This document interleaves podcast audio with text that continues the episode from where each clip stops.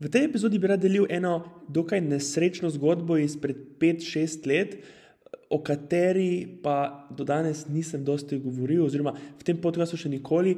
Prvič sem pa tako javno omenil v tem marketinškem izzivu, ki sem ga gostil pred dvema tednoma, približno. In sicer to zgodbo ve poznajo samo tisti moji najbližji in pa tistih nekaj deset ljudi, uh, ki je tisto, tisto predavanje, tistega marketinškega izziva poslušalo.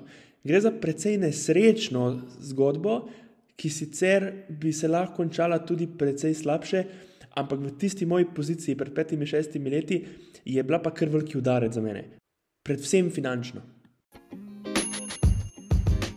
Zdravo, jaz sem Aleš Kek, ti pa poslušaš podcast Marketinške skrivnosti.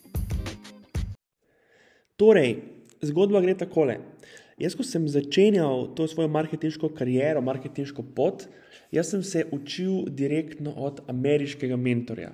In ta ameriški mentor je imel neko specifično to marketinško znanje, in torej en, ni poznal toliko, ni bil strokovnjak tega celotnega marketinga, ampak je bil nekako ukvarjal se samo s temi Facebook oglasi. In s temi Facebook oglasi je on takrat pomagal tem lokalnim podjetjem, ali so bili to, zdaj spet govorim na pamet, zobozdravniki, ali so bili to torej roofing niša, solar niša, uh, personal attorney, personal injury attorney niša in tako naprej. Ne vem, kupenih teh niš in to je bilo nekaj, s čimer sem se tudi jaz začel torej ukvarjati, pet let nazaj, eh, kot prvo stvar. Ne?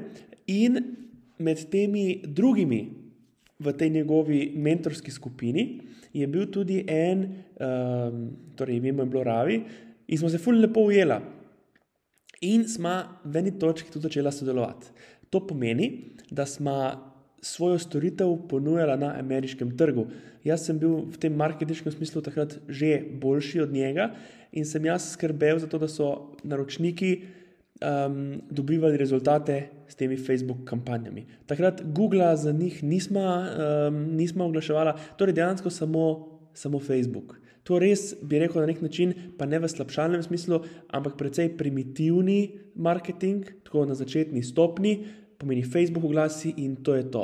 Ni bilo nekega omniprezentnega eh, retargetinga, ni bilo e-mail marketinga, ni bilo organske vsebine, ni bilo videov, ni bilo, zdaj, ni bilo to na nekem visokem nivoju, ampak na srečo tistega leta še se je dalo tudi z takimi oglasi doseči res dobre rezultate. Torej, lahko smo bili profitabilni, lahko smo dobivali, sploh v teh storitvenih dejavnostih, smo lahko dobivali uh, popraševanja, tako bolj, kot tudi manj, nažalost, zainteresirane uh, potencijalne stranke, ampak na koncu je vse skupaj imelo smisel. No, malo sem zašel, ampak ni za to. Torej, on je skrbel za to, da je prihajal v stik z novimi torej, klienti, z novimi naročniki. Preko posila smo cold maile in potem jih je on preko telefonskega klica probal prepričati, da so začeli sodelovati z nami. In mi dva smo bila pri tem najnem sodelovanju nekako zelo pridna. Ker jaz sem bil šest ur pred um, njim, ali ja, šest, sedem ur pred njim, ne vem točno več. In sem v dopoldenskem času vse te cold e-maile nekako nastavil, da so se, da so se odposlali. Potem pa, ko so te e-maili nekako pošiljali, je, ko se je lahko se on zbudil, so že začeli prihajati odgovori. To je bil nekako en način, kako smo dobivali, torej, nek, kako smo se lotili dobivanja novih naročnikov. Je bilo učinkovito. Drugi del pa je bil ta, da smo nastavili Google, pa tudi Facebook oglase za naju. Pomeni, da so se na te Google oglase prijavili torej roofing podjetja, solar podjetja, ki so pač želela več lidov, več popraševanj. V, v, v Ameriki pač je ta sistem malo drugačen, tudi praksa je malo drugačna, da tam podjetja nekako so pripravljena plačevati za popraševanja, za kontakte. Podobno kot je pri nas, ne vem, zdaj govorim iz glave, v misli.si ali pa primerjam.si, mislim, da je taka platforma, kjer recimo potrošniki pridejo tja in izrazijo neko zanimanje za neko specifično storitev, in potem ta platforma proda ta kontakt naprej. Ne? No, v Ameriki je to ful na višjem nivoju. Vsa podjetja so nekako uh, navajena takega načina poslovanja. Torej, oni niso tako navajeni, da, da najamejo prav svojo marketinško agencijo, da skrbi za celo njihovo online prezenco, pa spletni marketing, ampak so predvsem navajeni kupovati storitve od tako imenovanih lead generation agencies. agencies to pomeni, da pač roofing company, recimo za prenovo streh, uh, pač plača 3000 dolarjev na mesec, pa dobi v zameno nekje 30 do 50 kontaktov teh zainteresiranih strank. No, in to smo mi počela. Uh, in vse je šlo kot po maslu. Mi smo, ne vem, Spomnim se, da smo dobivali na, na vsakih 70 dolarjev, smo dobili, mislim, eno popraševanje od enega podjetja, torej smo zapravljali nekje 200 dolarjev na dan, če se prav spomnim. In Ravin, ki je bil zadolžen za te telefonske klice, on je svoje delo fully dobro upravljal, ker je bil zelo dober prodajalec na telefonu in je znal nekako ljudi prepričati, zakaj nam, zakaj nam morajo zaupati. Težava pa se potem pojavila po enem mesecu. Torej, nekaj pogodb smo mi dva podpisala in tudi uh, začela te kampanje voditi, in vse je bilo ok.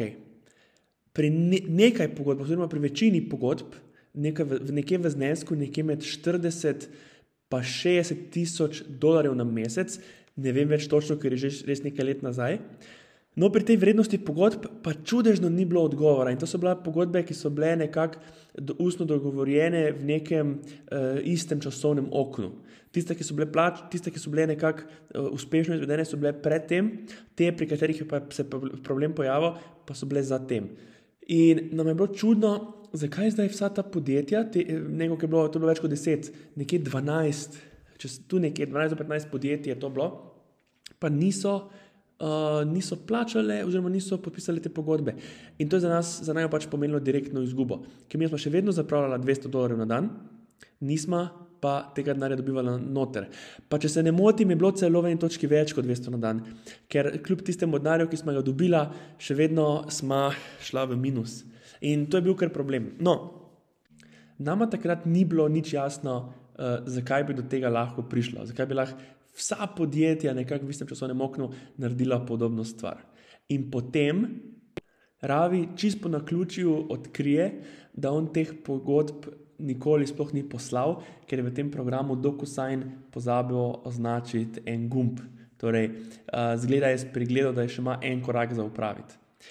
In ko to gledam za nazaj, si mislim, da bi bilo dejansko prelahko vse skupaj, če bi jaz takrat kot tisti veliki marketinški amater, ki je znal samo Facebook oglase in če to tako na, na četrt, ali pa še niti, niti tone, daleč od tega, da bi že takrat uspel toliko teh nekih uh, delov podpisati in tako naprej. Mislim, ko gledam nazaj, je, je malo kar fascinantno, koliko smo koliko smo uspeli celo daleč priti s tem, no, da smo dobro storitev, ampak koliko smo uspeli teh dogovorov podpisati, je pa se pač že zgodilo to, da pač te velika, velika, velika večina teh pogodb ni bila nikoli eh, niti podpisanih, niti pač plačanih. Ne. Rekl sem, da je to nesrečna neka zgodba, ker je na nek način nesrečna, zdaj ali bi se lahko končala, fur slabše, lahko bi se.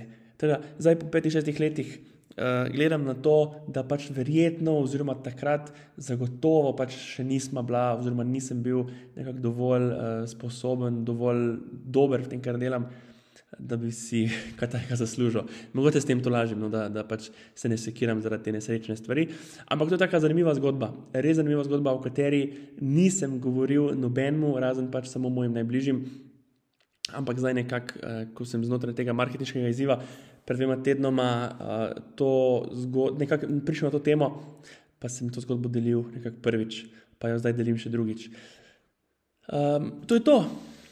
To je to za to epizodo. Kot vedno te vabim, da se subskrbiš na podcast uh, Marketing Skrivnosti in pa se poslušaj v naslednji epizodi. Čau, lepo se mi.